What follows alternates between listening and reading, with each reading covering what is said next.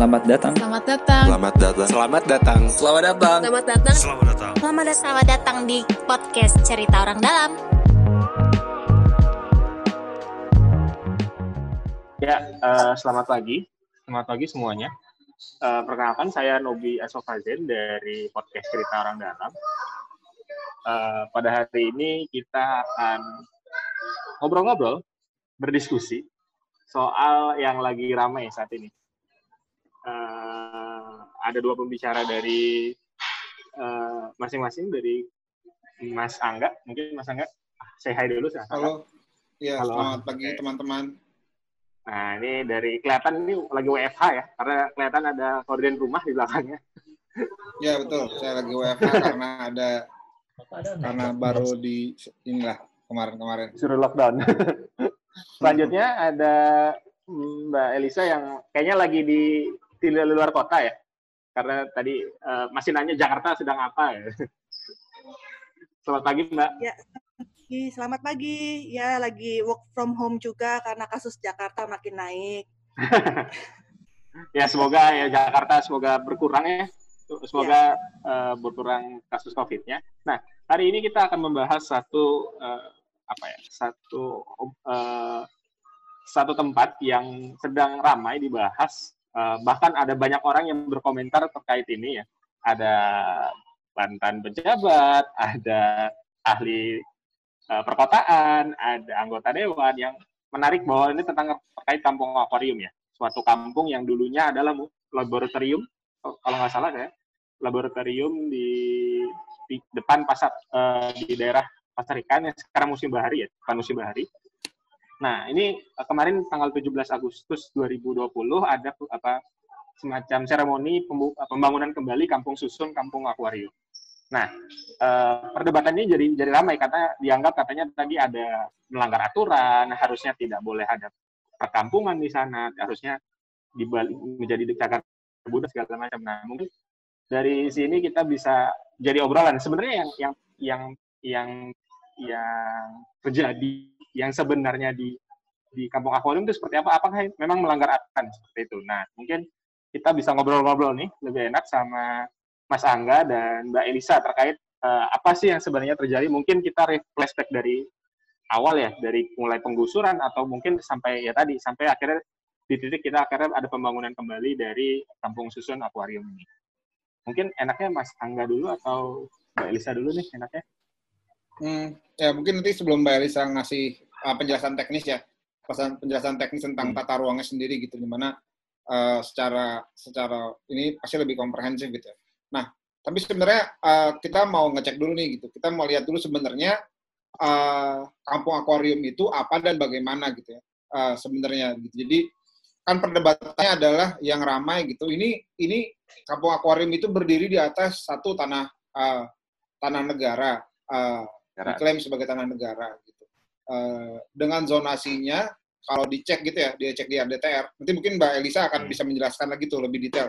Uh, cara ngecek itu gimana, cara ngelihatnya seperti apa. Tapi ketika misalnya melihat uh, kampung akuarium, kalau misalnya ngecek RDTR, kalau misalnya teman-teman uh, ngebaca RDTR itu seperti apa gitu ya, uh, bisa dilihat uh, RDTR itu kan rencana detail tata ruang yang disahkan lewat Perda 1 tahun 2014. Nah, di Perda DTR sendiri itu kampung akuarium uh, zonanya adalah P3 gitu. P3 ini bukan partai, tapi P3 ini adalah zonasi tata ruang uh, pemerintah daerah gitu.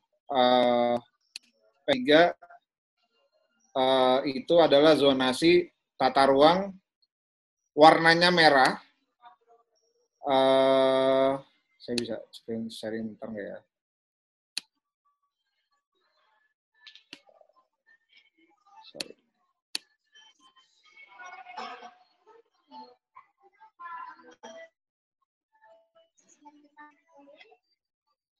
Nah, ini kelihatan nggak sih? Uh, harusnya kelihatan ya. Nah, kalau teman-teman lihat uh, apa di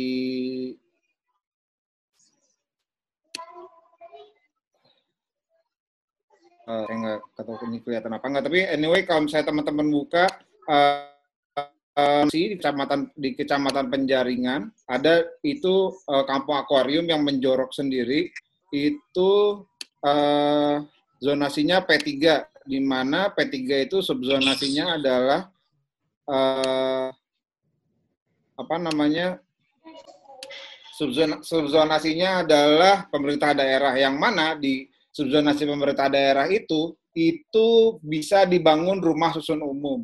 Rumah susun umum kalau berdasarkan definisinya dari Kementerian uh, eh, PU dan Perumahan Rakyat itu adalah rumah susun yang dibangun oleh pemerintah dan di uh, apa namanya dihuni oleh masyarakat berpenghasilan rendah gitu. Sehingga secara ketentuan dan secara aturan itu me, me, dibolehkan.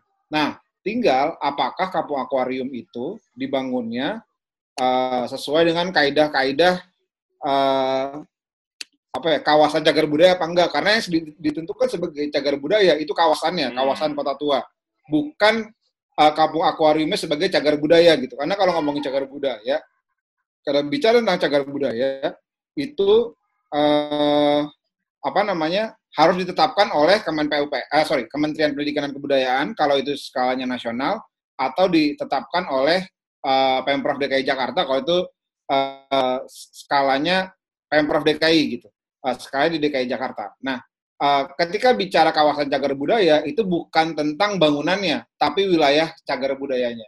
Nah, itulah kenapa uh, secara secara aturan gitu sebenarnya nggak melanggar melanggar nggak ada pelanggaran yang dilakukan di kampung akuarium karena secara peruntukan dia bisa dibangun uh, lewat apa namanya perda eh sorry lewat zonasinya P3 yaitu pemerintahan daerah uh, subzona pemerintahan daerah yang di mana rumah rumah susun umum boleh dibangun. Yang kedua, cagar secara cagar budaya wilayahnya atau di di peta akuarium sendiri itu belum ditetapkan sebagai cagar budaya. Kawasannya, kawasan kota tua iya. Sehingga pembangunannya itu uh, harus apa namanya uh, harus mengikuti kaidah-kaidah cagar budaya di sekitarnya, bukan bang, uh, tempat itu jadi cagar budaya. Gitu sih kira-kira uh, uh, pengantarnya.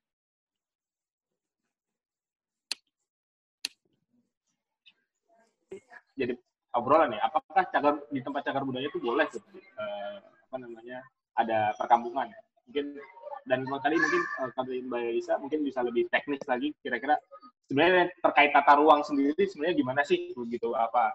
Karena mungkin banyak orang yang nggak tahu ya tadi padahal mungkin bisa googling bisa cari di internet pada tapi akhirnya nanya ke beberapa orang yang akhirnya malah dapat informasi yang nggak tepat. Gitu makanya ya jadi ini mau cagar budaya dulu atau atau DTR-nya dulu ya? Dua-duanya DTR dulu mbak. DTR dulu ya boleh, kalau misalnya ada tes dulu, saya mau berbagi tentang bagaimana caranya melakukan pengecekan di uh, eh, EDTR.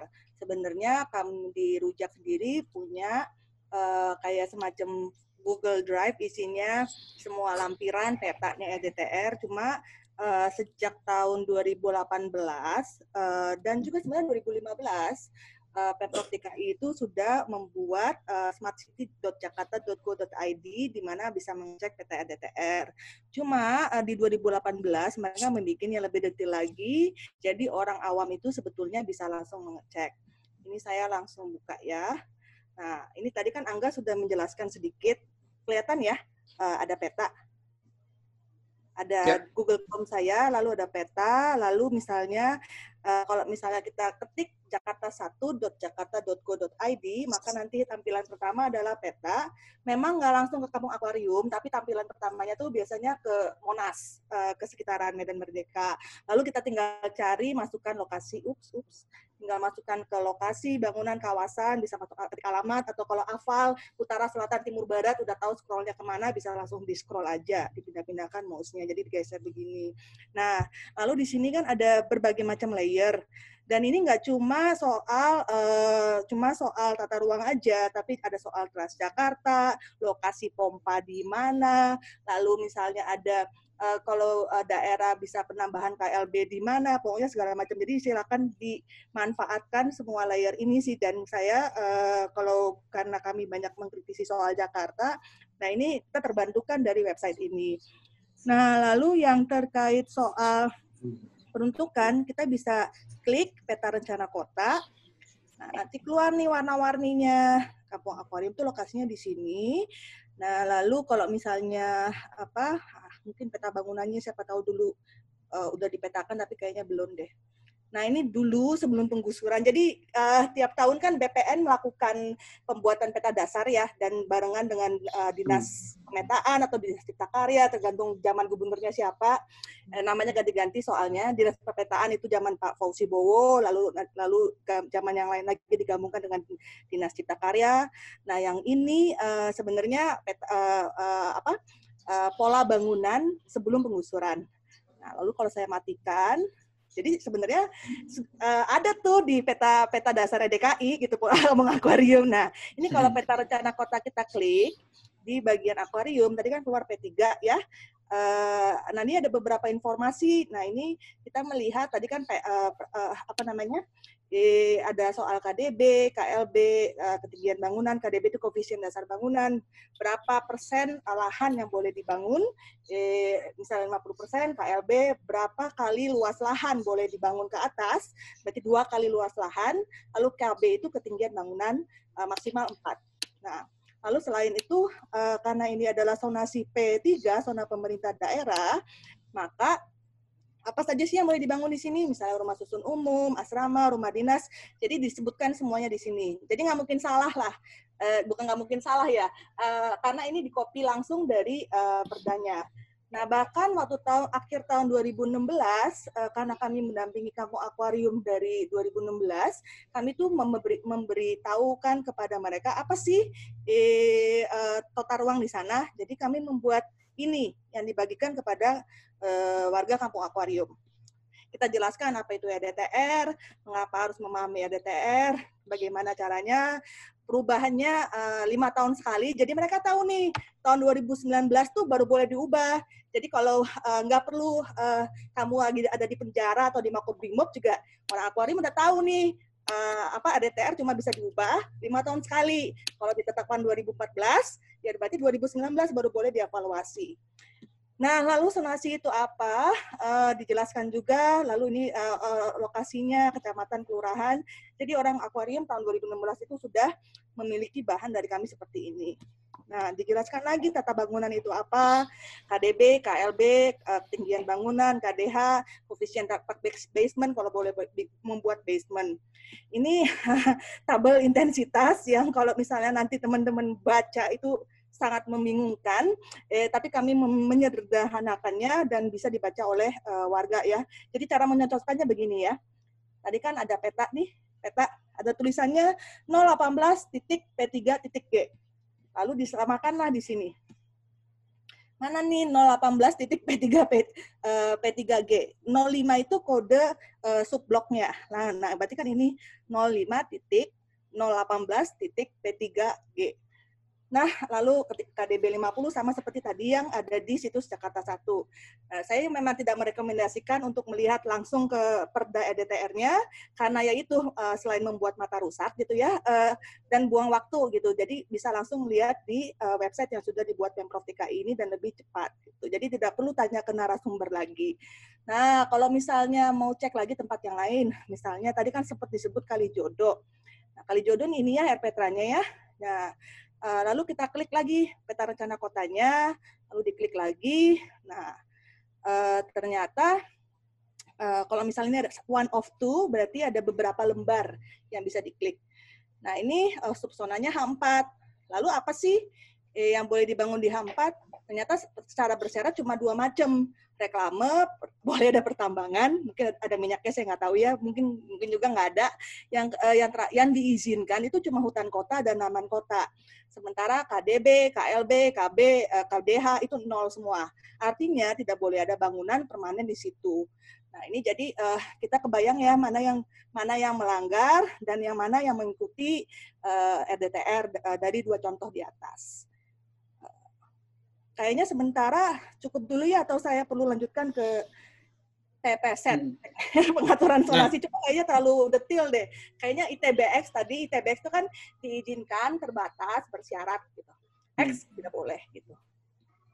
Nah, berarti Mbak kalau boleh nambahin gitu ya, uh, berarti sebenarnya kalau dilihat dari tadi uh, zonasinya si kampung akuarium itu kan sebenarnya rumah susun umum dengan uh, koefisien dasar bangunan 50% gitu ya. Kalau baca kalau baca tadi uh, di, apa uh, gambaran si apa namanya si zonasi akuarium itu adalah uh, dia boleh dia boleh dibangun uh, apa rumah susun umum dengan koefisien dasar bangunannya 50% dengan lantainya koefisien lantai bangunannya dua ya. Kalau, nggak salah tadi KLB-nya dua. Sehingga kan kalau KLB-nya dua berarti luas bangunan kali dua berarti ya kira-kira boleh bangun empat lantai gitu nggak sih? Gitu. Misalnya ini biar biar jelas uh, ngelihatnya tuh uh, seperti itu gitu. Bisa bisa dibilang ya. caranya begitu.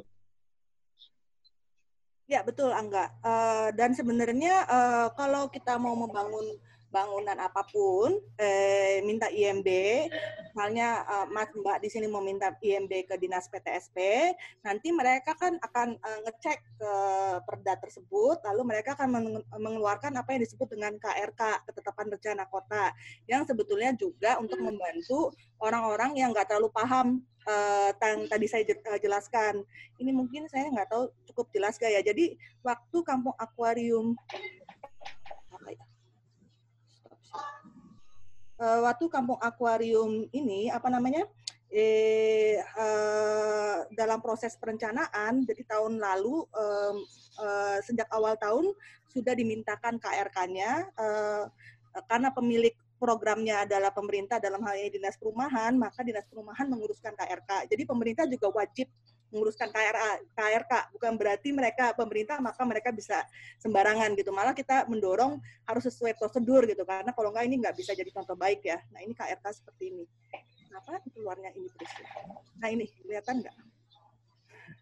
Agak buram tapi kelihatan agak buram mbak. ya agak buram agak ya. buram. Uh, saya uh, saya crop soalnya aslinya PDF sih. Uh, cuma intinya ada ada gambar hmm. uh, petanya E, lalu di sini ada ada pengulangan lagi KDB-nya, KLB-nya dan sebagainya.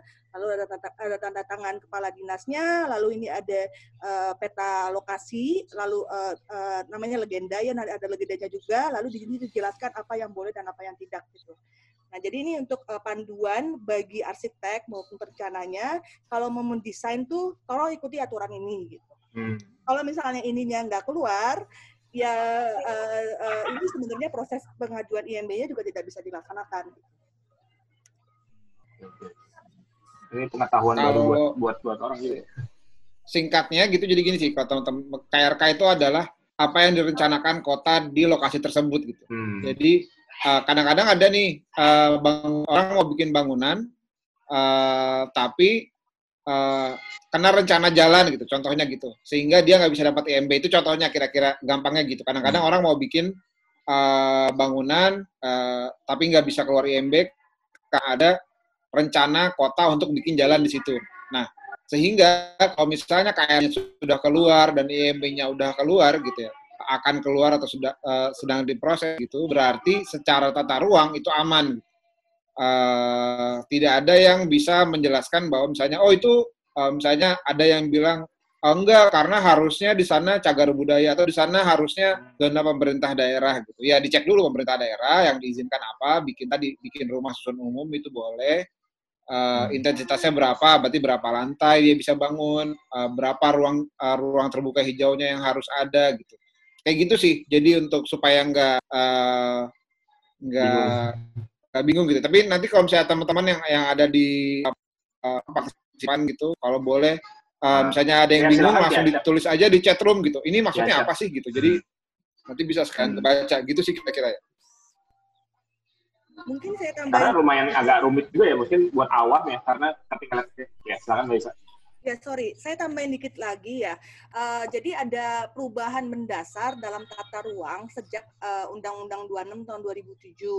Uh, jadi misalnya dulu kesannya kalau misalnya warnanya kuning hanya, hanya boleh dibangun hunian, uh, warnanya merah hanya boleh dibangun kantor pemerintahan, warnanya eh, apa warnanya coklat hanya boleh dibangun tempat ibadah, sekolah dan lain-lain. Nah, sekarang tidak gitu. Jadi dia memisahkan eh, adanya peraturan sonasi dan kegiatan gitu.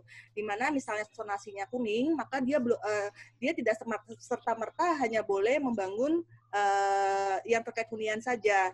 Jadi kalau tadi saya balik sebentar ke ke peta yang ini ya, ke peta yang tadi.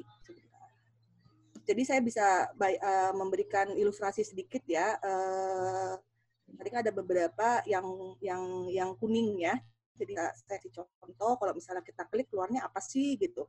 Jadi uh, misalnya ini ya K1. K1 itu kan apa namanya zona perkantoran udah lihat ya perkantoran perdagangan dan jasa. Tapi kalau kita baca uh, dia boleh buat rumah boleh buat rumah kecil, boleh buat rumah sedang, boleh buat panti jompo, nggak cuma kantor gitu. Jadi uh, sangat tidak tepat sekali kalau misalnya orang bilang ini kan uh, kawasan uh, perindustrian, uh, nanti nggak boleh bangun rumah, itu nggak begitu lagi gitu. Eh, ini kan kawasan perkantoran, nggak boleh bangun rumah, itu udah nggak gitu lagi. Jadi kalau misalnya masih ada yang berargumen seperti itu, dia biasanya tidak mengikuti uh, tidak mengikuti perkembangan uh, sejak Undang-Undang 26 2007. Jadi masih masih belum move on dari Undang-Undang tahun 92 gitu. Uh, sementara Perda ini uh, Perda ini sudah mengadu, uh, tentu saja amanat dari Undang-Undang 26 2007. Nah, saya nggak bilang Perda, Perda ini sempurna ya, tapi dia ada ada sebuah cara bagaimana mengakomodasi berbagai macam kegiatan orang uh, yang yang yang yang terjadi dalam satu tempat gitu. Uh, nah itu yang yang berusaha diadopsi perda ini dan juga uh, eh, EDTR EDTR di kota-kota lain gitu. Uh, itu tambahannya. Lalu kalau misalnya sedikit ke kawasan cagar budaya sebenarnya kawasan cagar budaya itu tidak relevan dengan fungsi dan kegiatan. Ini kan kegiatannya tadi ya rumah kecil rumah apa. Jadi suatu kawasan bisa menjadi menjadi cagar budaya itu jika ada temuan uh, ataupun uh, situs ataupun bangunan cagar budaya uh, minimal dua dan atau memiliki tata ruang atau pola ruang yang khusus. Jadi nggak ada hubungannya uh, dengan dia itu uh, isinya uh, ada monumen atau itu apa, tapi dia hanya melihatnya sebagai kawasan. Nah, sebagai contoh aja, beberapa hari lalu uh, Kemendikbud baru menetapkan kawasan Kota Semarang Lama sebagai kawasan cagar budaya nasional. Nah, di, di kawasan itu ada empat subkawasan, yang tiga di antaranya adalah kampung, termasuk kampung Kauman, Pecinan, satu, saya satu, lupa, satu lagi lupa kampung apa, satunya lagi adalah, oh, uh, satunya lagi adalah kawasan yang yang yang yang kolonialnya. Nah, jadi tiganya itu adalah kawasan permukiman gitu, kampung pula lagi. Jadi uh, kawasan cagar hmm. budaya itu sama sekali tidak mengatur soal peruntukannya apa, tapi dia mengatur kegiatan pelestariannya, hmm. upaya penyelamatannya, perlindungannya. Mau itu isinya rumah sakit, rumah, itu nggak relevan gitu. Yang mengatur soal tata ruang, ya Hmm. ya turunannya undang-undang tata ruang gitu. Jadi jangan sampai uh, dibolak-balikan antara kawasan cagar budaya, isinya kawasan cagar budaya gitu. Nah, tapi apa fungsinya ya bisa macam-macam gitu. Ya semoga uh, tambahannya hmm. sedikit jelas. Ya, biar nggak nggak terkunci dalam bentuk hanya bangunan aja, bahkan kampung bisa jadi satu kawasan cagar budaya juga. Ya. Oke. Okay. Hmm. Uh, dari Mas Angga mungkin ada tambahan lagi? Ini kita tahu udah ada beberapa pertanyaan dari para uh, ini menurut saya di ya, diskusi. Ya, um, kalau saya saya uh, ini sih nambahin aja sih uh, kalau tentang cagar budaya gitu ya. Mungkin uh, bisa dicek juga ketika itu benar cagar budaya atau apa itu ada di kalau di uh, Kemendikbud ada di websitenya itu di Direk, uh, Direktorat Jenderal Kebudayaan ada itu tentang data tentang cagar budaya mana aja bahkan Monas itu itu Monas itu cagar budaya bukan cagar budaya nasional, tapi cagar budaya uh, eh, DKI Jakarta gitu, kawasannya gitu. Itu itu uh, uh, sekaligus contohnya. Jadi jadi uh, uh, itu contohnya satu gitu bahwa uh, cagar Monas itu bukan cagar budaya nasional, Monas itu cagar budayanya DKI Jakarta. Uh, itu di, itu datanya ada ada karena kalau mau dia DKI Jakarta dia harus ditetapkan oleh Gubernur DKI Jakarta, kalau dia nasional dia harus ditetapkan oleh uh, apa namanya Kementerian Pendidikan dan Kebudayaan. Jadi kalau misalnya ada kalau belum ditetapkan sebagai cagar budaya itu uh, belum bisa dibilang cagar budaya gitu. Jadi jadi uh, karena penelitiannya panjang gitu ya dan dan apakah itu mempengaruhi kalau misalnya uh, kalau ada dugaan di kawasan cagar budaya nggak boleh dibangun, di Jakarta nggak akan dibangun dibangun gitu. Uh, utara, Jakarta Kota nggak akan terjadi pembangunan gitu, karena kan uh, sejarahnya panjang gitu ya. Uh, sedikit ada aja ketemu piring gitu, entah itu piring yang benar uh, adalah uh, waris budaya atau pemiliknya sendiri malah buang gitu. Ah ini udah nggak di, dipakai nih piringnya gitu. Dibuang ke tempat sampah, sampahnya ketimbun lumpur segala macam, terus ketemu. Gitu. Apakah itu punya relevansi cagar budaya? Belum tentu. Itu penelitiannya harus panjang. Harus Apakah relevansi cagar budaya itu menghambat pembangunan? Harusnya tidak. Jangan sampai uh, cagar budaya itu menghambat uh, apa kemajuan gitu, ya. kemajuan pembangunan tentu harus diperhatikan gitu. Harus diperhatikan, harus diteliti uh, pelestariannya gimana gitu uh, apa tapi jangan juga kayak misalnya contoh kemarin gitu yang uh, pembangunan double double double track di Bekasi ketemu apa namanya ketemu struktur yang kayak yang kayaknya itu terowongan gitu. Uh, kan apakah itu harus menghentikan proses pembangunan double double track? Menurut saya tidak. Tapi apakah harus diteliti? Harus gitu. Jadi jangan jangan sampai kebolak balik. Nanti kalau misalnya pakai perspektif yang sama dengan kampung akuarium, double double track itu nggak bisa dibangun dan nggak boleh dibangun kalau perspektifnya kayak gitu. Oh ada bangunan yang diduga cagar budaya, berhenti itu semua pembangunan. Hmm. Ya kapan kita mau punya uh, apa namanya uh, stasiun yang uh. bagus, uh, terus uh, jalur kereta yang bagus gitu, pembangunan pembangunan hmm. yang bagus gitu sih kira-kira. Iya, uh, justru malah bisa di, dikomunikasikan ya. Kok kalau dikombinasikan antara ya tadi uh, peninggalan sejarahnya gitu terkait cagar budayanya dengan kampungnya sendiri bahwa kampung sendiri juga adalah satu satu entitas yang bisa jadi cagar budaya juga gitu bahwa perkampungan itu bisa jadi uh, ini juga ya tadi kondisi benar sih bahwa kondisinya kan kalau nggak salah di di kampung akuarium sempat ada penggalian ya arkeologis juga ya terkait uh, ada beberapa yang bisa digali saya sempat lihat tuh bahwa di kampung akuarium ada ada yang beberapa peninggalan arkeologis juga yang ditemukan ya kalau mungkin dari Mas Angga atau Mbak Elisa? Iya. Um, itu ada ada struktur bangunan yang diduga uh, bukan diduga ya, struktur bangunan oceanografi di uh, oceanografi. Hmm. Itu bangunan yang uh, tahun 1928, saya lupa detailnya, tapi dia bangunan tahun 1920-an. Struktur bangunannya, jadi fondasinya aja yang ditemukan gitu. Uh, oh, okay. Ya itu kan makanya sebelum pembangunan itu diteliti dulu. Jadi ada usaha konservasi uh, konservasi oleh apa namanya di, uh, yang disupervisi sama dinas uh, apa kebudayaan gitu ya bahwa memang betul ada dan apa namanya sudah ditemukan tapi itu tadi gitu kalau itu belum tetap ditetapkan sebagai cagar budaya uh, jadinya ya yang penting udah ditemukan udah ditahu ada buktinya uh, sekarang sehingga, uh, sekarang itu sedang disusun gimana caranya uh, pola pengelolaan benda-benda sejarah gitu ya itu berbasis masyarakat yang akan dilakukan di Kapu Akuarium. Kayaknya di tempat-tempat lain kan udah banyak ya gitu. Ya, ya. Di Jakarta belum ada. Uh, harusnya bisa gitu. Lanjut ya, kita mulai masuk ke sesi tanya jawab nih. Ada beberapa pertanyaan dari uh, yang mengikuti. Yang pertama dari Mas Ade Chandra, apakah DPRD mendukung proses pembangunan kembali kampung akuarium? Nah, ini mungkin Mas Angga yang bisa nah. menjawab. Kalau saya sih gini ya, kalau kalau DPRD itu kan uh, lembaga politik gitu ya. Hmm. Uh, tentu setiap orang punya standpoint politiknya masing-masing gitu. Ada yang dukung, ada yang tidak mendukung, ada yang uh, apakah ketika satu anggota anggota DPRD tidak mendukung hanya seluruhnya tidak mendukung kan belum tentu juga cek dulu fraksinya apa, latar belakang politiknya seperti apa. Kalau memang uh, selalu, selalu apa namanya, memang porsinya adalah kritik, ya kritik gitu, uh, nggak jadi masalah gitu. Uh, tapi kemarin waktu uh, groundbreaking, seingat saya ada beberapa anggota DPRD juga yang datang, yang hadir. Uh, sehingga sebenarnya secara prinsip juga uh, DPRD mendukung uh, toh penataan kampung di DKI Jakarta juga sudah ada di Perda RPJ gitu.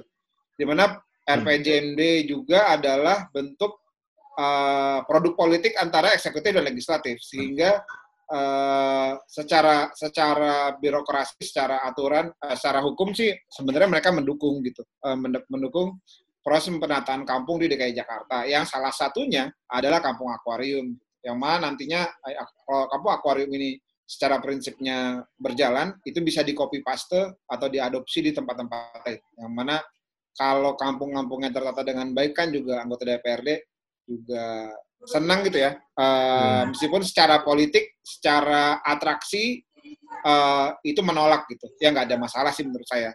Itu kan namanya demokrasi ya, nggak boleh ketika misalnya anggota DPRD-nya atau ada yang menolak terus kita uh, apa uh, dibully, seksi gitu-gitu itu nggak boleh itu yang membedakan Jakarta sama tempat-tempat yang lain gitu kira-kira. Oke, lanjut ke pertanyaan selanjutnya. Uh, ada dari uh, Yus, sebentar. Yus berita satu.com. Ya, hmm. pertanyaan pertama adalah bagaimana syarat untuk tinggal di rumah susun itu nanti? Apakah tinggalnya harus sewa atau jadi milik? Kedua, pertanyaannya adalah anggaran sesungguhnya berapa untuk pembangunan kampung susun tersebut?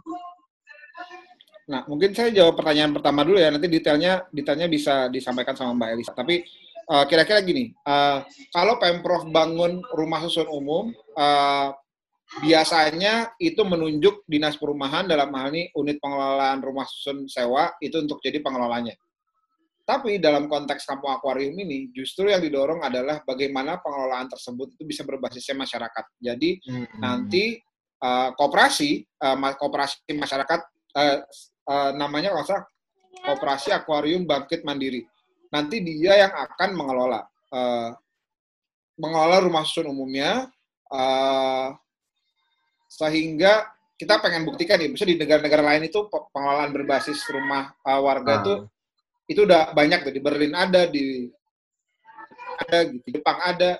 Masa Jakarta nggak bisa? Dan menurutku harusnya Jakarta bisa. Makanya dimulai di kampung akuarium ini di mana uh, teman-teman rujak, keluarga itu sedang membuat SOP-nya. SOP detail tentang pengelolaan, tentang tentang pembagian penghuninya dan segala macam gitu. Itu itu yang sedang di di di dikembangkan sama teman-teman akuarium gitu. Mbak Elisa mungkin bisa nambahin. Ya, jadi ini mungkin nggak bisa disederhanakan sebagai uh, sewa atau milik ya. Uh, sebenarnya agak panjang dan akan dijelaskan di uh, preskon Kampung Akuarium besok uh, jam 10. Cuma uh, uh, ini mungkin uh, gambaran aja. Jadi uh, tanahnya itu adalah HPL Pemprov DKI. Uh, bangunannya ini yang sedang uh, kami negosiasi dengan Pemprov DKI bahwa ini sebaiknya bisa dikelola uh, HGB-nya oleh koperasi. Yang kami usahakan di sini bukan soal uh, dikotomi sewa atau milik gitu tapi kami ingin keluar dari dikotomi bahwa hunian itu uh, sebenarnya ada macam-macam kepenghunian gitu. Uh, uh, jadi uh, hunian itu sebagai uh, produk uh, uh, sebagai bentuk uh, pemenuhan hak asasi jangan ditanyakan soal dia beli atau dia dia sewa gitu. Tapi bagaimana dia caranya menghuni secara sosial gitu. Jadi kita keluar dari dikotomi sewa itu. Tapi kalau hmm. misalnya kalau mau dimasukkan dalam dikotomi framework ya, penyederhanaan antara sewa dan milik ini mungkin uh, arah uh, naga-naganya akan seperti uh, long list kayak misalnya uh, HDB Singapura gitu. HDB Singapura nggak uh, kalau kamu tanya ke orang Singapura kamu beli atau milik apa sewa apa milik itu mereka nggak bisa jawab dengan satu kata mm-hmm. e, itu nggak uh, milik juga sih tapi kami uh, ada jangka waktunya tapi nggak sewa juga gitu. Mm-hmm. Nah uh, jadi keluar dari dikotomi itu uh, untuk me- me- melihat memang ada keberagaman uh, pola-pola kepenghunian gitu. Itu jadi uh, kalau misalnya termnya mungkin long lease gitu ya, eh, tapi dia bukan milik karena dia miliknya itu tanahnya punya pihak yang berbeda, uh, lalu bangunannya punya pihak yang berbeda lagi, jadi nggak bisa abu uh, apa nggak bisa hitam putih uh, sewa atau milik. Semoga bisa dipahami ya, nggak sesederhana itu melihatnya menjawab sewa atau milik. Hmm, jadi sebenarnya itu uh, apa namanya ya tadi apa apa jatuhnya kepemilikan bersama atau gimana?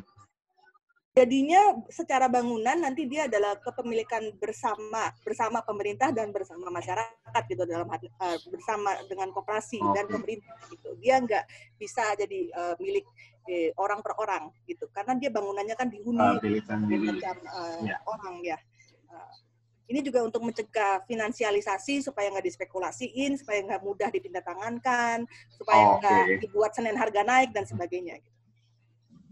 ah siap siap Oke, lanjut uh, ke pertanyaan selanjutnya. Eh, tadi yang kedua belum ini ya. Anggaran Nanti anggaran, anggaran sekalian sekalian nanti ada pertanyaan yang lain lagi. Saya tapi mungkin iya. yang lain dulu. Oke. Lanjut eh, di pertanyaan selanjutnya dari Mbak Mbak Thomas juga. Eh, rumah susun di kampung akuarium termasuk kegiatan bersyarat. Pertanyaannya syarat ini maksud apa aja? Apakah persyaratan tersebut dimaksudkan sebagai cara untuk mengontrol bahwa pembangunan rumah susun tersebut tidak mengganggu dominasi fungsi wilayah tersebut yang merupakan zona pemerintahan? Dari Mbak Elisa dulu mungkin. Syarat tadi kan masuknya kalau yeah. syarat syaratnya apa aja? Ya, jadi gini, misalnya eh, bersyarat itu memenuhi peraturan-peraturan gubernur yang menjadi turunannya.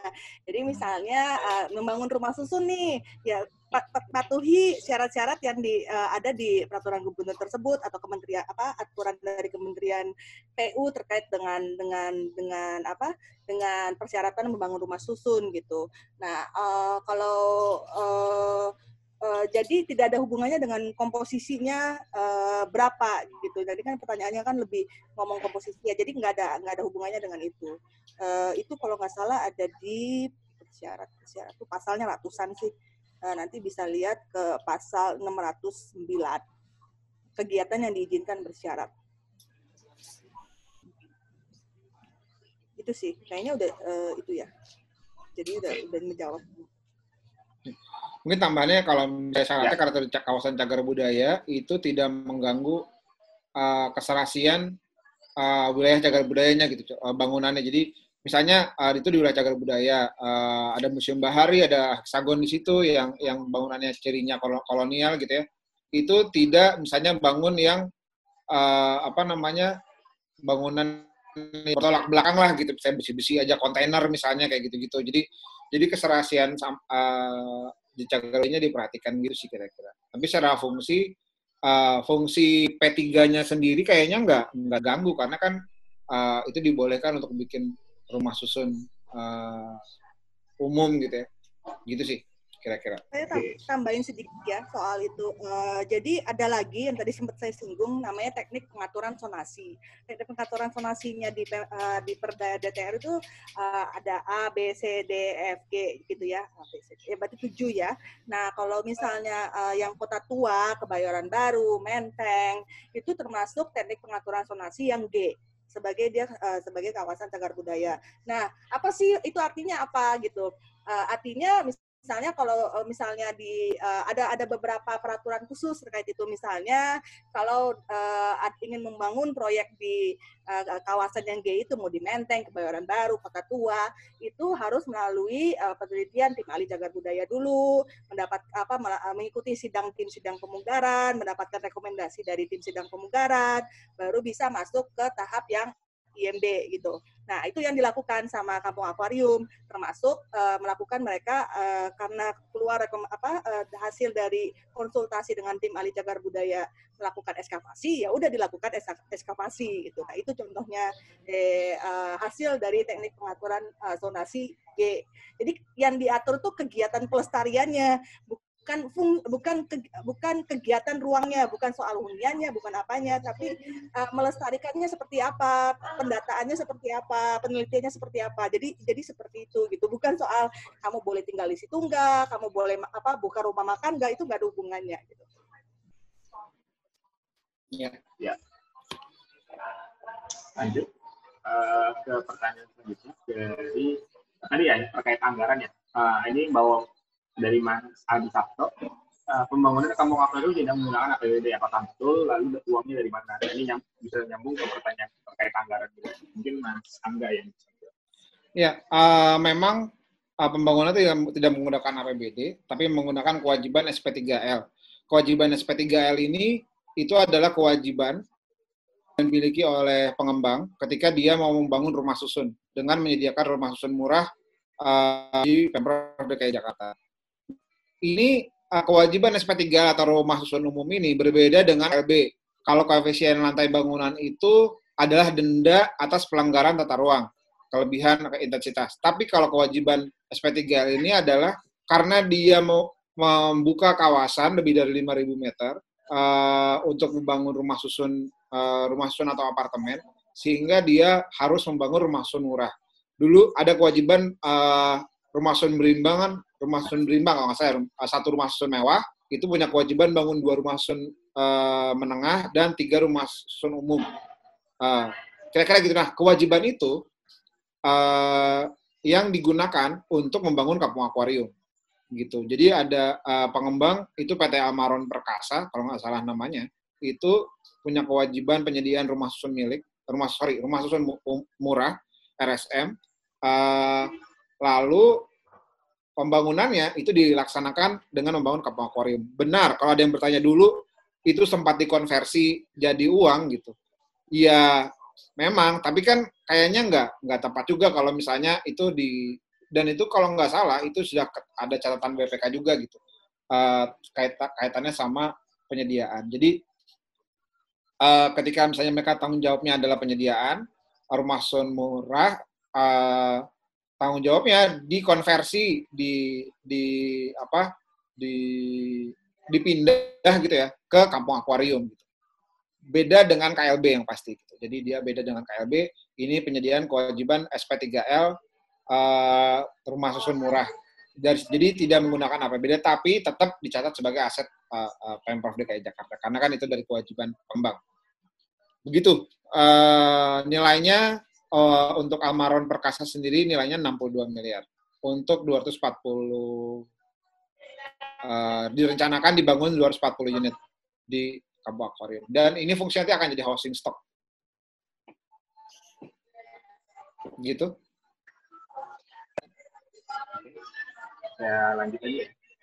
Selanjutnya ada tadi mungkin sempat dibahas ya. Uh, tadi benda sejarah yang ditemukan itu apa apa saja di kampung akuarium lalu tindakan tindakan selanjutnya. Mungkin dari Mas Angga lalu untuk menambahkan tadi mungkin yang ya, ada nanti ditambahin bisa nanti ditambahin sama Mbak Elisa tapi tadi yang udah sempat saya sebutkan bahwa uh, benda sejarahnya apa itu pondasi uh, keramik keramik terus piring. Saya nggak tahu lagi uh, detailnya seperti apa, uh, apa lagi tapi paling tidak yang udah pasti itu pondasi lah fondasi dari oceanografi yang ada tahun 1920-an.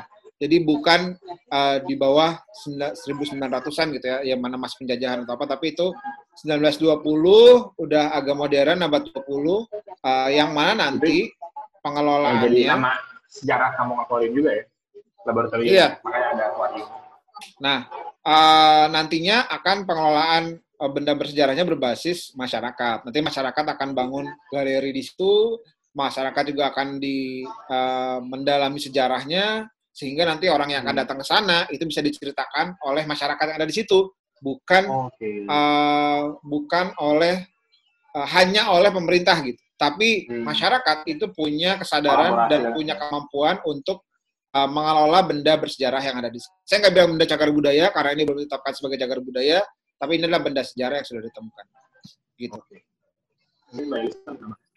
Hmm, ya saya kebetulan datang ke penggaliannya, jadi uh, uh, waktu itu yang ditemukan ya uh, pecahan pecahan uh, keramik lantai, uh, pecahan genteng. Jadi uh, uh, tidak ada yang utuh ya. Uh, apalagi kita perlu mengingat kampung akuarium itu pernah uh, dua kali kebakaran besar. Eh, jadi memang agak sulit gitu untuk menemukan sesuatu yang utuh. Apalagi sudah ya, sudah dibongkar semuanya sampai sudah digali semua sampai ketemu seluruh apa salah satu bangun fondasi salah satu bangunannya gitu yang cukup utuh gitu. Eh kalau uh, memang uh, benar ini uh, dari abad apa abad 20 jadi berbeda dengan yang di uh, di kawasan Fatahila yang misalnya didominasi abad 18 dan 19. Jadi misalnya eh uh, karena dia dari abad 20 ketebalan dindingnya itu hampir sama dengan ketebalan dinding rumah kita gitu. Lain kalau kita ke, ke ke mana ke misalnya kita ke museum bahari aja itu kan dindingnya bisa tebelnya 40 cm gitu ya.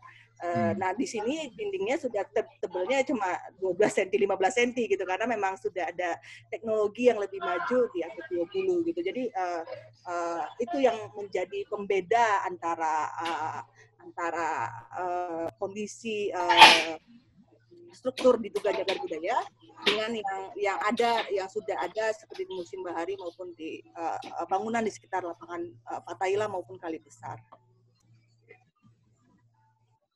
Lanjut pertanyaan selanjutnya ini uh, pertanyaannya agak mirip ya. tadi dengan yang pertama yang sempat ditanyakan terkait hak milik dan segala macam. Uh, apakah warga warga kampung akuarium otomatis akan mendapatkan uh, lahan di sana juga gitu dan apakah ya tadi warga luar kampung bisa tinggal di sana? Ini mungkin mbak bisa mungkin ya. Apakah otomatis warga sana akan akan si kampung kampung itu akuarium? Dan mungkin nyambung ke pertanyaan ini yang apakah warga yang sudah digusur itu bisa kembali lagi gitu? Juga. Uh, jadi gini, uh, di sana sekarang ada hampir 90 kakak ya yang sekarang tinggal di shelter. Nah itu mau nggak mau ya mereka harus dirumahkan kembali di kampung susun yang akan dibangun gitu. Kalau nggak ngapain mereka bertahan di shelter kan ya. Lalu apakah orang dari, uh, jadi mereka membuat sistem prioritas gitu yang dari kampung akuarium. Nah korban penggusuran itu belum tentu mereka mau kembali ke kampung akuarium. Hmm. Itu ada berbagai macam cerita, uh, berbagai macam sebab. Uh, misalnya ada yang uh, ada yang mereka sudah pulang kampung, jadi ya mereka balik lagi. Lalu ada yang sangat trauma sekali sampai nggak mau meninggal uh, menginjakan uh, trauma karena penggusuran. Ada yang nggak mau nggak mau menginjakan sama sekali ke kampung akuarium. Uh, lalu ada yang uh, di, karena mereka itu penyewa dulunya di kampung akuarium, jadi dia mau tinggal di rusunawa ke, mau tinggal di pindah ke kampung lain itu jadi nggak terlalu relevan gitu loh, karena uh, uh, pekerjaan mereka uh, mengizinkan mereka untuk tinggal di di yang non uh, kampung akuarium gitu.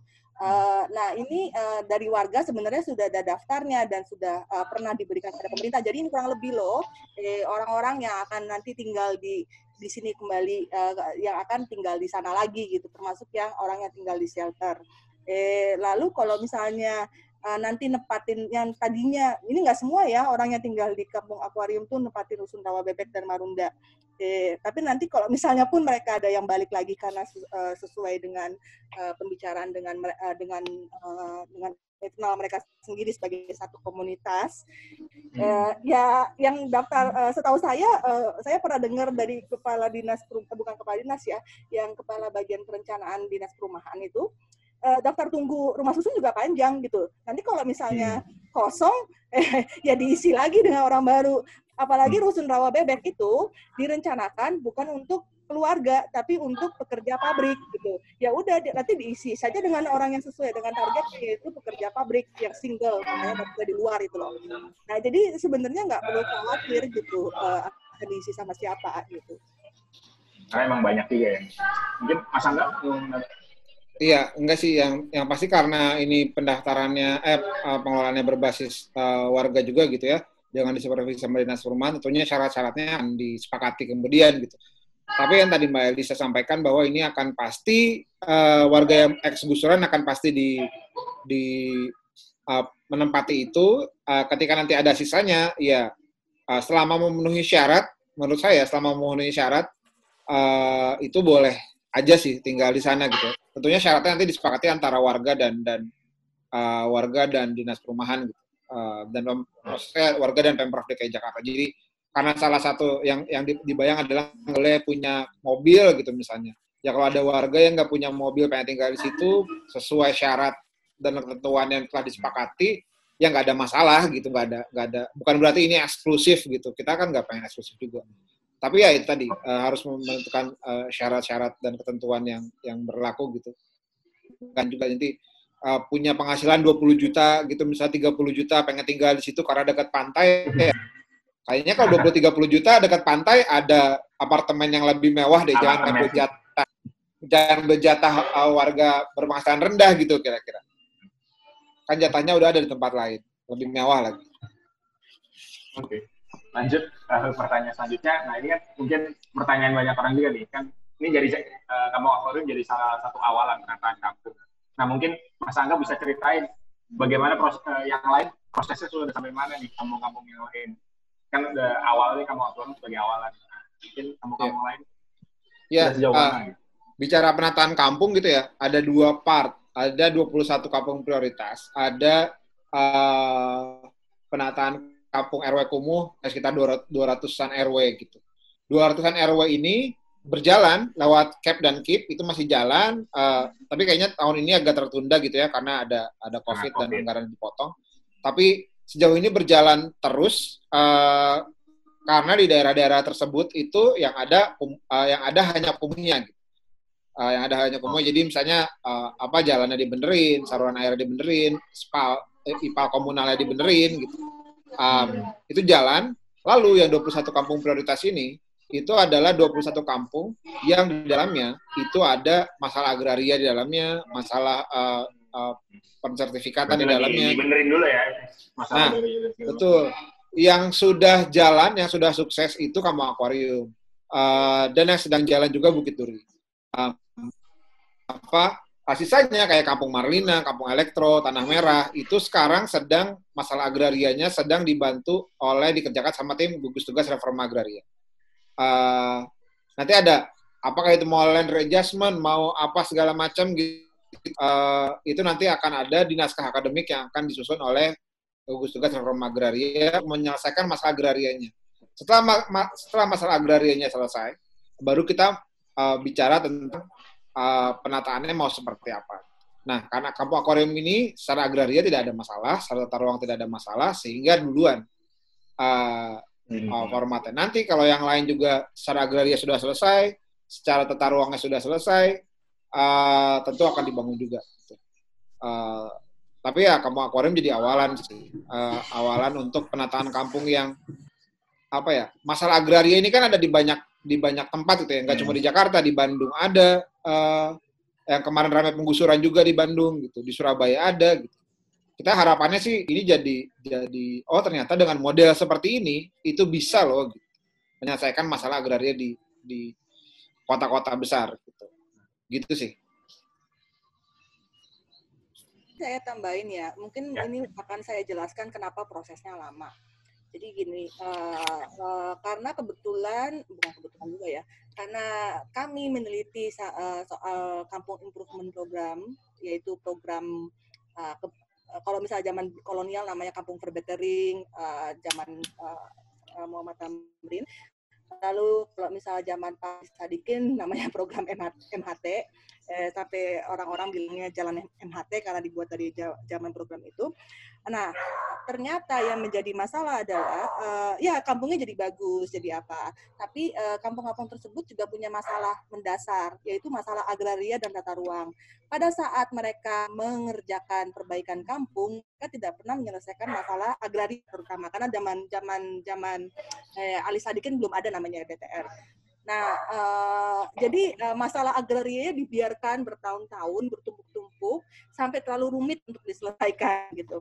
Contoh, uh, sebenarnya uh, saya nggak setuju juga sih dibilang kamu uh, uh, akuarium clear, tapi enggak itu udah proses panjang juga yang melibatkan hmm. uh, sampai ada gugatan dari warga kepada pemprov DKI yang didampingi oleh Bea Jakarta, karena pemprov DKI di saat itu tidak mampu menunjukkan bukti kepemilikan uh, asetnya dia itu dia hanya punya selembar MOU atau apa antara LIPI tukar guling. Jadi itu pun bukan bukti kepemilikan sah. Jadi ini ada masalah agraria juga yang akhirnya dengan sama-sama uh, legowo bareng-bareng entah itu pemerintah maupun warga, mereka mau menyelesaikannya. Kenapa ini legowo adalah satunya karena warga setuju untuk membatalkan uh, gugatannya. Jadi udah sidang nih, udah sidang berapa kali saya ingat ada lima atau enam kali didampingi LBH Jakarta. Uh, tapi akhirnya karena uh, warga percaya komitmennya Pemprov DKI ya, walaupun LBH Jakarta sebenarnya saat itu menyarankan untuk tidak drop gugatan. Tapi akhirnya warga mau drop gugatan dengan harapan nanti tanahnya diberesin. Karena kalau tanahnya nggak beres, ini nggak bisa dibangun-bangun kampungnya. Nah ini ini yang yang jadi salah satu salah satu eh, solusi eh, terkait reforma agraria juga. Jadi memang dua-duanya tuh harus dua-dua pihak itu harus sama-sama diskusi dan legowo gitu loh. Oke okay lah, jadi kita mungkin nggak bisa uh, hak gitu, tapi uh, uh, keamanan bermukim kami terjamin sampai generasi-generasi berikutnya dengan cara ABCDE. Tapi pemerintah juga harus legowo. Oke, okay, daerah ini nggak bisa dibangun apartemen super mahal, tapi uh, harus dibangun untuk apartemen bagi apa rumah susun, rumah susun kampung susun bagi masyarakat berpenghasilan rendah. Nah ini uh, proses yang yang seperti ini karena sangat jarang terjadi uh, di Indonesia. Konflik agraria kan banyak banget tuh, pakai TNI lah, pakai apalah. Nah ini ini yang yang saya rasa uh, sulit, uh, terutama kalau saya melihat proses itu selama ini sulit bagi pemerintah juga gitu loh. Uh, ini juga proses yang uh, belajar juga buat pemerintah bagaimana caranya mereka untuk keluar dari uh, dikotomi yang hak negara apa uh, tanah negara adalah tanah pemerintah itu Hmm. enggak gitu. Nah itu keluar dari dikotomi seperti itu udah bagus gitu loh uh, si pemprov DKI ini. Nah ini yang yang mungkin sama lagi lagi digali untuk kampung-kampung lain juga dan dan saya sih percaya bahwa memang pasti semuanya ada pecahannya karena kalau nggak konflik agrarianya akan akan kita tinggalkan lagi buat generasi berikutnya ini. Jadi sebaik, memang lama tapi saya sih sangat menyarankan sebisa mungkin diselesaikan secepatnya.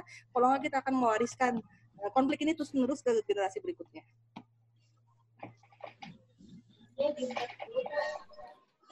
Iya. Eh, silakan bagi yang masih ingin bertanya, diberi kesempatan untuk eh, bertanya via chat. Ini menarik ya bahwa kondisinya tadi ya. Ah, ada pertanyaan selanjutnya. Eh, manajemen kamu susunnya ini seperti apa? Mungkin apa ya? Maksudnya dari komunitas masyarakatnya sendiri akan akan seperti apa sih manajemen dari kamu susunnya ini dari masyarakat?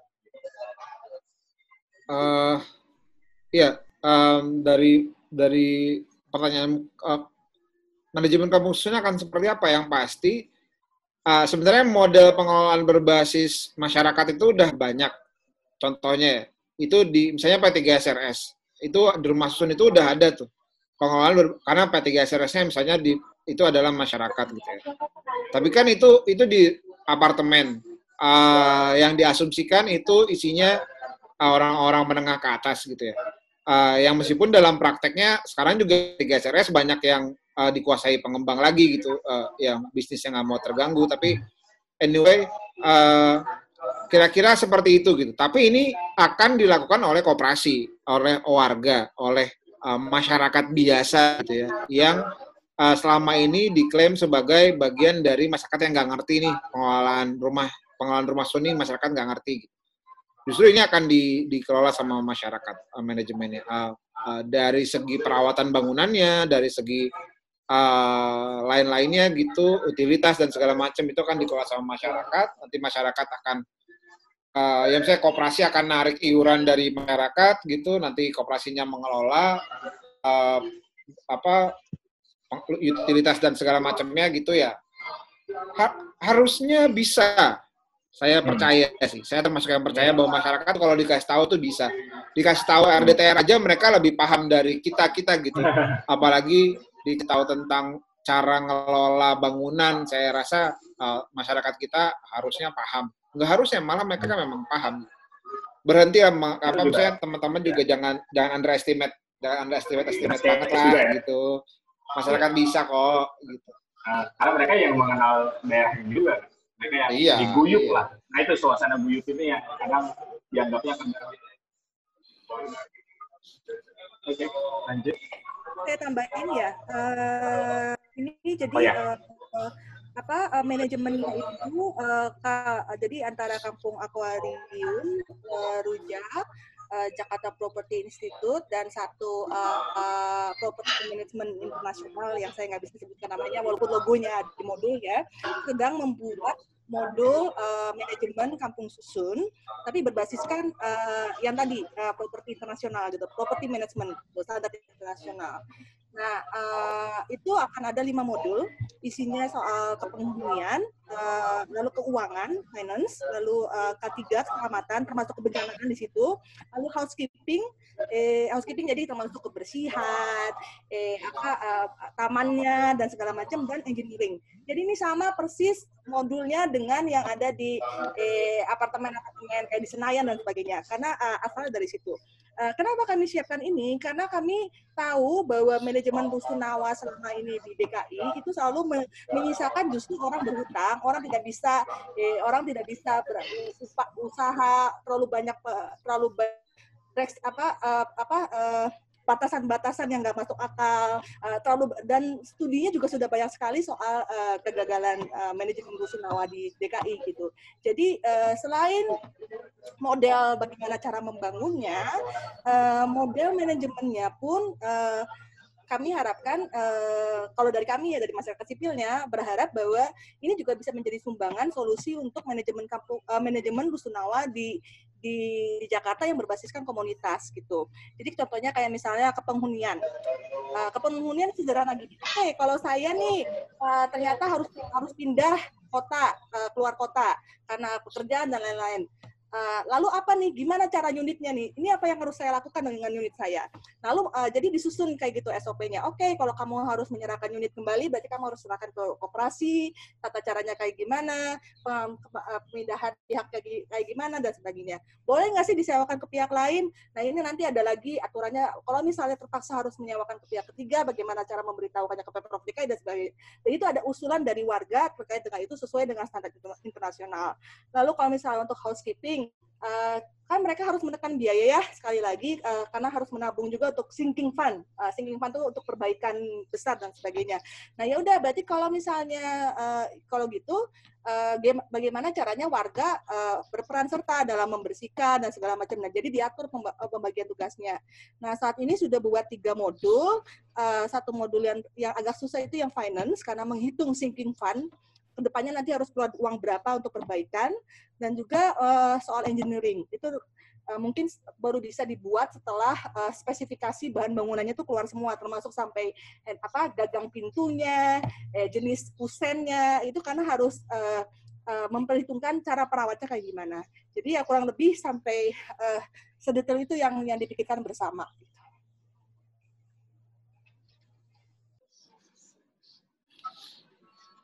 lanjut. Ini masih banyak yang ingin bertanya. Mungkin ini saya coba gabung ya karena pertanyaannya lumayan gini. Uh, kepada tadi dijelaskan mengenai agraria di kamu Akwarium bahwa kedua belah pihak telah logo apakah nanti ada dasar hukumnya yang menjamin disepakatan kedua belah pihak atas penyelesaian agraria ini jika ada bentuknya seperti apa. Lanjut, tadi pertanyaannya terkait agraria juga, apakah perlu uh, menunggu revisi pada RDTR dulu misalkan baru lanjut Nah, mungkin dari tadi ditanya ditujukan ke Mbak Elisa dulu, silakan. Um, ini yang kalau misalnya untuk RDTR sebenarnya ada karena kebetulan saya uh, terlibat di penelitian 2016-17 soal uh, masalah agraria di 16 kampung 21 kampung lain kan uh, tanah merah dan sebagainya ya. Uh, uh, lima kampung lain kan tanah merah dan dan sebagainya. Kalau yang 16 kampung itu memang ada kampung-kampung yang tidak perlu menunggu revisi uh, perda DTR gitu. Contohnya ya kayak kampung aqua uh, kampung eh, akuarium, lalu yang di gedung pompa, marina elektro itu tidak perlu eh, atau kampung kunir yang sekarang juga tinggal di, tinggal di shelter itu semua tidak perlu menunggu eh, revisi perda DTR. Tetapi uh, ini mungkin uh, uh, memerlukan eh, masalah soal agrarianya gitu. Uh, misalnya uh, apa namanya di Marina Elektro uh, mungkin ada ada yang harus disepakati dengan antara uh, gugus tugas reforma agraria dengan pemprov DKI sendiri dan dengan BPN sendiri itu itu lebih luar dari eh, EDTR gitu. Memang ada kampung-kampung yang agak sulit. Uh, jadi contohnya, uh, tapi itu juga bukan karena sepenuhnya salah warga Uh, contohnya uh, seperti Muara Angke. Muara Angke itu uh, uh, di Perda 1 EDTR 2014 itu untuk Kampung Kerang Ijo, mereka sudah ada di sana kurang lebih 20 tahun. Di Perda itu mendadak bentuk Muara Angke diubah tanpa kasih tahu ke mereka. Nah, itu uh, itu sebenarnya juga tidak nunggu revisi EDTR juga. Kalau misalnya mereka misalnya mau opsi lain geser sedikit atau apa dan sebagainya. Itu uh, itu uh, jadi uh, ada ada uh, jadi tergantung bagaimana cara kita melihat persoalan itu gitu. Uh, tanpa revisi DTR, uh, sebagian besar kampung itu sebetulnya bisa bisa di bisa diberesi masalah agrarianya dan untuk uh, memastikan ke, uh, kepastian bermukim mereka gitu. Nah ini cuma tinggal kita mau lihat dari perspektif mana, ada banyak gitu. Uh, dan termasuk bagaimana cara kitanya memecahkan masalah tersebut. Uh, kalau kamu akuarium, kalau misalnya warganya tetap mau kekeh rumah kecil, apa uh, wisma kecil itu bisa gitu. Tapi nggak nggak bisa nampung karena uh, dia ada bersyarat dan terbatas tuh. Bangun bisa rumah tapak, tapi akhirnya kan nggak bisa nampung gitu. Nah ini jadi tinggal tinggal gimana aja. Uh, uh, jadi nggak cuma ada cuma ada jawaban cuma satu dua tapi sebenarnya jawabannya ada sepuluh. Nah tinggal opsi-opsi itu uh, mana yang mau mereka ambil mana yang mau pemerintah dan dan warga sama-sama ambil. Ada opsi yang sangat menguntungkan warga sekali misalnya oke okay, saya tetap mau rumah tapak. Ya udah tapi masalahnya bisa bisa lima tahun lagi 10 tahun lagi baru beres gitu. Tapi ada yang opsi uh, bisa lusa nih dikerjain atau tahun depan nih dikerjain, tapi ada yang harus dikurangi tuntutannya dari masyarakat atau ada yang pemerintah harus menaikkan uh, apa harus lebih baik kinerjanya supaya tercapai keputusan itu gitu. Jadi sebenarnya opsinya banyak banget gitu. Nggak cuma terbatas harus ngerevisi perdaya DTR itu. Uh, tambahin yang tadi yang kayak yang pertanyaan tadi itu. Oh ya kampung akuarium ya. Tadi di kampung akuarium. Dan solusinya ya, agraria apakah ada masalah agraria? Tadi mungkin Mas Mbak Lisa bilang ya ini ini lebih, lebih saya nggak nggak perlu in, jadi gini uh, yang me, me, me, mengganjal upaya pemprov DKI untuk pengurusan sertifikatnya adalah gugatan warga. Jadi warga ini uh, pada saat mereka mem, uh, apa mendrop uh, gugatan mereka, mereka tuh bertaruh sangat besar loh uh, kan bisa aja ya uh, bisa aja tahun 2000 mereka kan apa membatalkan gugatan tahun 2018 ingat saya 2018 mereka bisa aja maju terus kan dan mereka bisa menang gitu nah makanya saat itu LBH Jakarta tidak terlalu merekomendasikan mereka mendrop gugatannya sebagai pendamping hukum mereka. Nah, tapi akhirnya mereka ya udah uh, ini seperti gambling ya buat uh, warga kamu akuarium. Akhirnya mereka setuju karena mereka melihat uh, saat saat itu ada uh, menurut mereka ada itikat baik dari uh, dari gubernur. Salah satunya adalah mereka dibangunkan shelter. Buat mereka itu itikat baik hmm. karena emang sebelumnya nggak ada korban penggusuran paksa, paksa Jadi, dibangunkan. Tadinya tadinya digugat ya, tapi karena ada niat baik dari nah, ada itikat baik. Nah, cabut gugatan ya.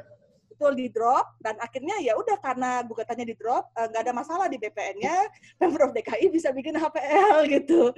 Jadi ya sebenarnya pemprov DKI harus terima kasih sama warga tuh karena mereka drop uh, gugatannya. Gugatannya. Oke oke.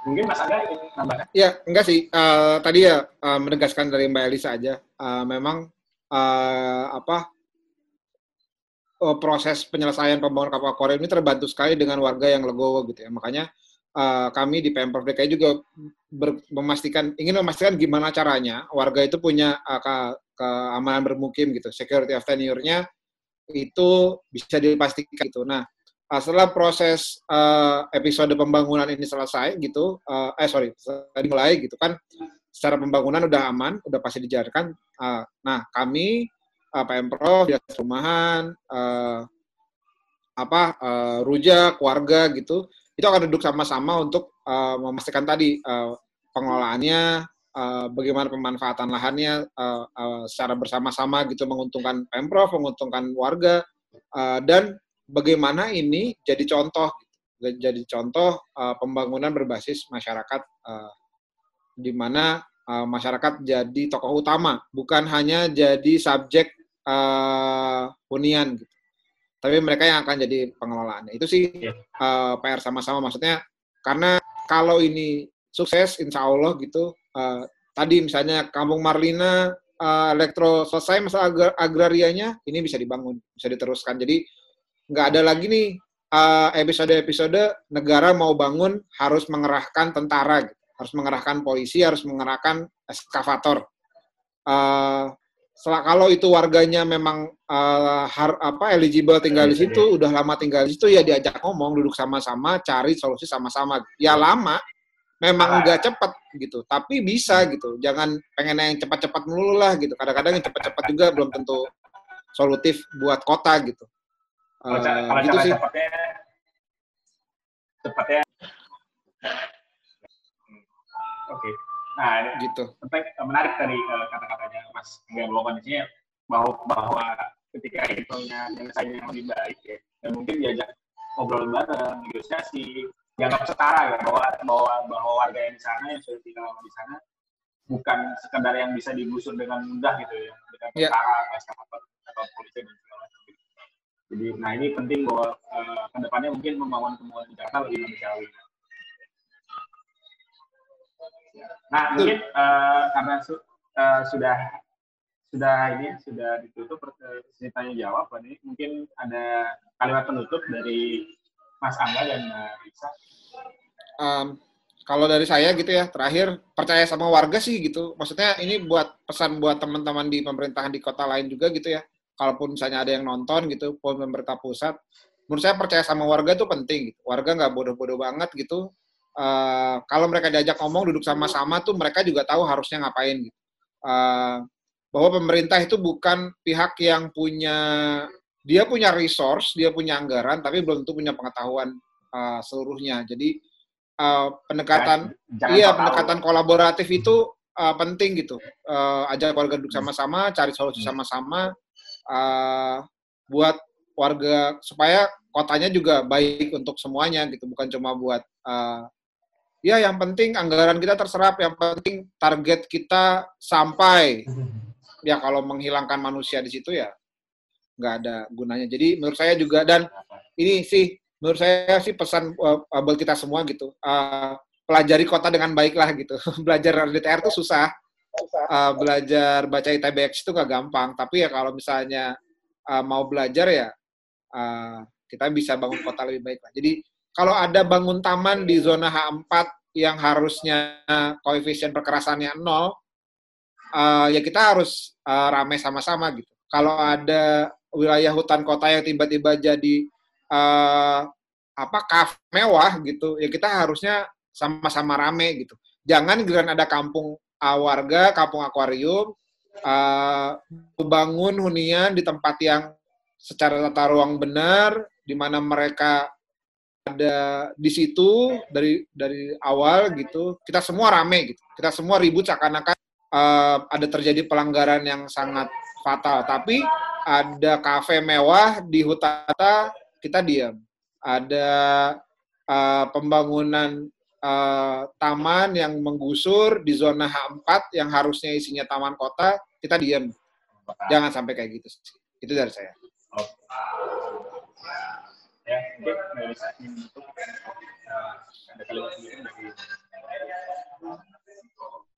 Uh, saya mungkin saya uh, oh, halo iya iya Tadi sempat hilang soalnya. Ya. Ya, uh, selain saya mengumumkan besok ada konferensi iya, pers ya, langsung dari konferensi pers.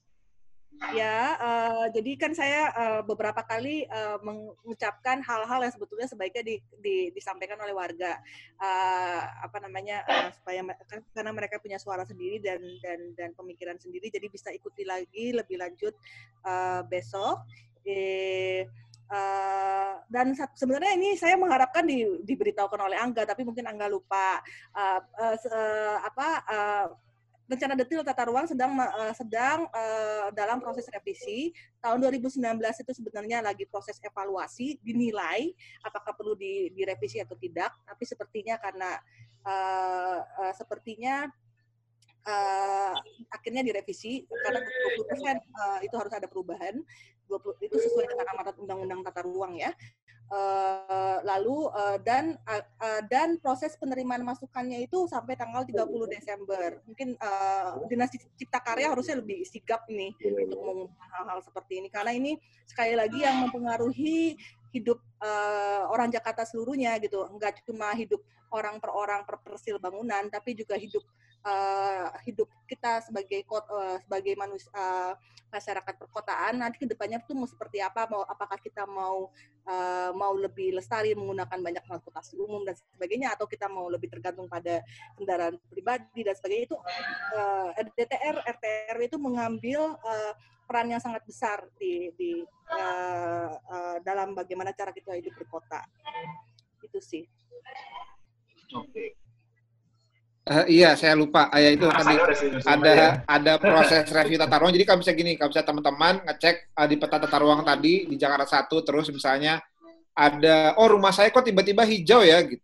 Itu bisa uh, kasih masukan ke dinas CKTRP untuk cipta, ruang, cipta karya dan tata ruang untuk mereview RDTR-nya, gitu. Misalnya tiba-tiba uh, saya tinggal di sini kok tiba-tiba ada rencana kota jalan gitu, ada ada rencana jalan di rumah hmm. saya sehingga saya nggak bisa bikin bangun IMD hmm. itu bisa uh, silakan di uh, apa dinas dinas cipta karya dan tata ruang uh, sampai 30 Desember. Nanti detailnya akan disampaikan oleh teman-teman dinas dinas cipta karya dan tata ruang uh, tentang proses ini semua sehingga uh, ada ada online-nya berarti. Ada online ya berarti.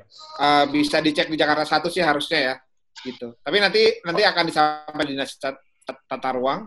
Uh, ini proses yang rutin sebenarnya per lima kali. Kemarin udah sempat Uh, sekarang yang, nah yang sekarang jalan di RDTR itu adalah revisi RDTR untuk uh, PSN uh, dan lain-lainnya. Gitu. Jadi uh, bisa sebenarnya tiap hampir uh, bisa tiap tahun selalu ada evaluasinya gitu secara periodik gitu. Jadi teman-teman yang mau um, ngecek RDTR silakan cek RDTR-nya, lihat peta operasionalnya, rumahnya aman apa enggak, kawasannya aman apa enggak. Oke. Ya, uh, terima kasih banyak buat Mas Angga dan Mbak Elisa dan teman-teman semua yang mengikuti diskusi pada siang hari ini. Uh, semoga bisa memperjelas, ya, memberikan kejelasan bagi uh, uh, teman-teman semua terkait kampung akuarium apakah ini melanggar aturan, apa namanya sesuai dengan peruntukannya, sesuai dengan ruangnya. Jadi semoga tidak ada yang sok paham lagi, sok tahu lagi terkait ini.